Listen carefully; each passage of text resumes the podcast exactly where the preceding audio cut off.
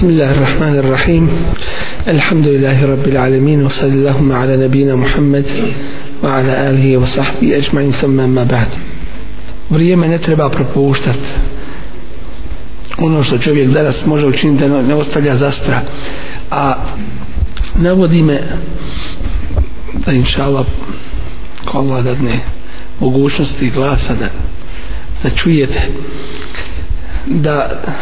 ovo noćas ne propuštamo e, ono što sam doživio kod e, šej Mohamed bin Salih el Uthejmina rahmetullahi alaihi prije par godina otišao sam na umru uz Ramazan u Meku. I nakon teravih namaza čuo sam da šejih negdje vazi čuo sam njegov glas. I otišao sam od jednog do drugog mjesta ali ne vidim onaj ne vidim njegovu halku gdje. A čujem glas na više mjesta da se prenosi zvučnikom. Pa sam pitao prisutne šta je gdje halka šeha da prisustuje muživo. To je halki. Kažu ne može se prisustovati on je unutar harema u sobi za intenzivnu njegu. E, na zadnjim je izdisajima dakle, ali ne propušta priliku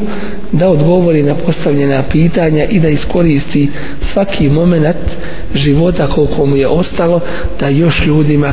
kaže što može. Zaista je to jedna velika pouka. Čak se osjetilo u glasu šeha nekada da iznemuča da, da teško govori teško izgovara neke harfove i do par dana preselio še i klanjata mu je dženaza u Mekke dakle ne treba propuštati čovjeku da ne treba propuštati da kaže i prenesi a i da se čuje. Spominje se od jednog učenjaka isto tako da jednog jutra kada je održao halku ders iz fika da je odmah ustao da, da ode kući e, pa ga upitaše prisutni to ti nije običaj obično sjedeš malo još duže sa nama. Kaže jutro sam okrenuo svoje dijete umrlo. Pa sam ga okrenuo i odoh da dalje pripremim dženazu. Pa kažu mu ovaj pa mu kažu pa Allah ti se smilovao preće je bilo da ostaneš kod kuće ti si u žalosti kaže teže bi mi bilo da propustim ders nego to što sam izgubio dijete i to su te generacije koje su sa Allahom te bareke ta'ala pomoći uspjele da proširi Allahovu vjeru koji se žrtvovali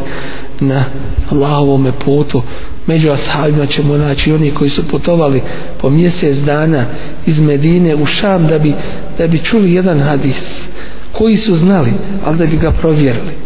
i nisu htjeli ništa u Šamu ni kupiti ni kod koga sjest niti odsjesti nego su nego je taj dotični čuo hadis i odmah se vratio za Medinu da ne bi bilo da je zbog ičega drugoga došao i prevalio toliki put. I zaista dok ne bude žrtva za ovu vjeru i dok ne bude njeno veličanja time, veličanje i onoga koji ju je dao i objavio i onoga kome se i badet njom čini, neće biti onog rezultata koji treba da bude među nama.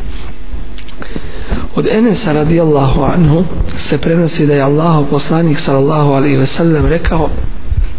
niko od vas ne vjeruje sve dok mu ne budem draži od njegovog roditelja i od njegovog djeteta i od svih ljudi hadis bilježi i Buharija i Muslim Enes ibn Malik al-Ansari al-Hazređi radijallahu anhu je poznati ashab kojeg je dovela njegova majka Ummu Sulejm Allahovom poslaniku sallallahu alaihi ve sellem kada je imao Enes 10 godina. I rekla je tom prilikom ja Rasulallah hada Enes gulamun jahdimuk. O Allahov poslaniće ovo je Enes dječak koji će te služiti fa qabilahu wa da'a lahu pa ga je primio Allahov poslanik sallallahu alejhi ve sellem i dovu mu učinio فقال i rekao tom prilikom Allahumma ekfir ma lehu wa waladahu wa adkhilhu l'đenne ovo mu je dovu učinio o Allahu njegov imetak umnoži i njegov porod daj da bude mnogobrojan i uvedi ga u džennet. Sam Enes radijallahu anhu kaže ja sam ukopao kaže Enes radijallahu anhu ukopao sam od svog poroda stotinu i dvadeset i petero a mimo toga koliko još živi a moja zemlja dva puta godišnji rađa. U drugom rivajetu od njega se spominje ili eser od njega se spominje da je rekao dočekao sam ove dvije stvari da mi Allah dadne veliki imetak i mnogobrojan porod i nadam se da će i ono treće biti ostvareno a to je da ga Allah te bareke ta'ala uvede u džennet mnogi hadise prenosi od Allahovog poslanika sallallahu alaihi wa sellem i to je posljednji koji je od ashaba umro, preselio na ahiret u Basri 93. godine po hijri radijallahu anhu iz ovoga hadisa jasno zaključujemo dužnost i obavezu voljenja ljubavi prema Allahovom poslaniku sallallahu alaihi ve sellem i da ona mora biti pretpostavljena to jeste prije ljubavi prema bilo kome od ljudi čak kada se radi i o roditelju i kada se radi o djetetu i kada se radi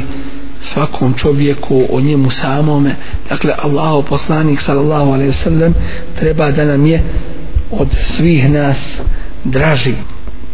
Voliti Allahovog poslanika sallallahu alaihi sallam je od imana od vjerovanja. I Allahov poslanik sallallahu alejhi ve sellem se voli po voljenju Allaha te bareke ve ta'ala onoga koji ga je poslao koji ga je odabrao i koji je dao da bude sebebom uzrokom u našem hidajetu i u hidajetu svih onih koji su upućeni nakon njega do sudnjega dana. Od znakova i dokaza ljubavi prema Allahovom poslaniku sallallahu alaihi ve sellem jeste da mu budemo pokorni u svemu onome što nam je naredio da se klonimo svega onoga što je zabranio Allahu poslanik sallallahu alejhi ve sellem i da vjerujemo sve ono o čemu nas je obavijestio. Zatim da donosimo salavat i selam na Allahovog poslanika sallallahu alaihi ve sellem kada god se spomene bio da ga mi spomenemo ili čujemo da ga neko spominje. Zatim da se u njega ugledamo u njegovim riječima i u njegovim dijelima i da ne izlazimo iz okvira njegovog šarijata vjerozakona sa kojim ga je Allah te bareke ve taala poslao ljudima i džinima. I da pretpostavimo to jeste dajemo prednost ljubavi Allahovog poslanika sallallahu alejhi ve njegovom voljenju nad voljenjem svih drugih od Allahovih tebareke ve taala stvorenja. Molim Allah tebareke ve taala da nas učini od onih koji se ogledaju na Allahovog poslanika sallallahu alejhi ve sellem kojima je on najdraži koji su ga uzeli za svoj uzor svakodnevnom životu koji rade po njegovom sunnetu i koji su njegovi sljedbenici i na dunjaluku i na ahiretu sakum Allah khairan subhanak Allahumma bihamdik ashhadu an la ilaha illa anta astaghfiruka wa etubu ilika.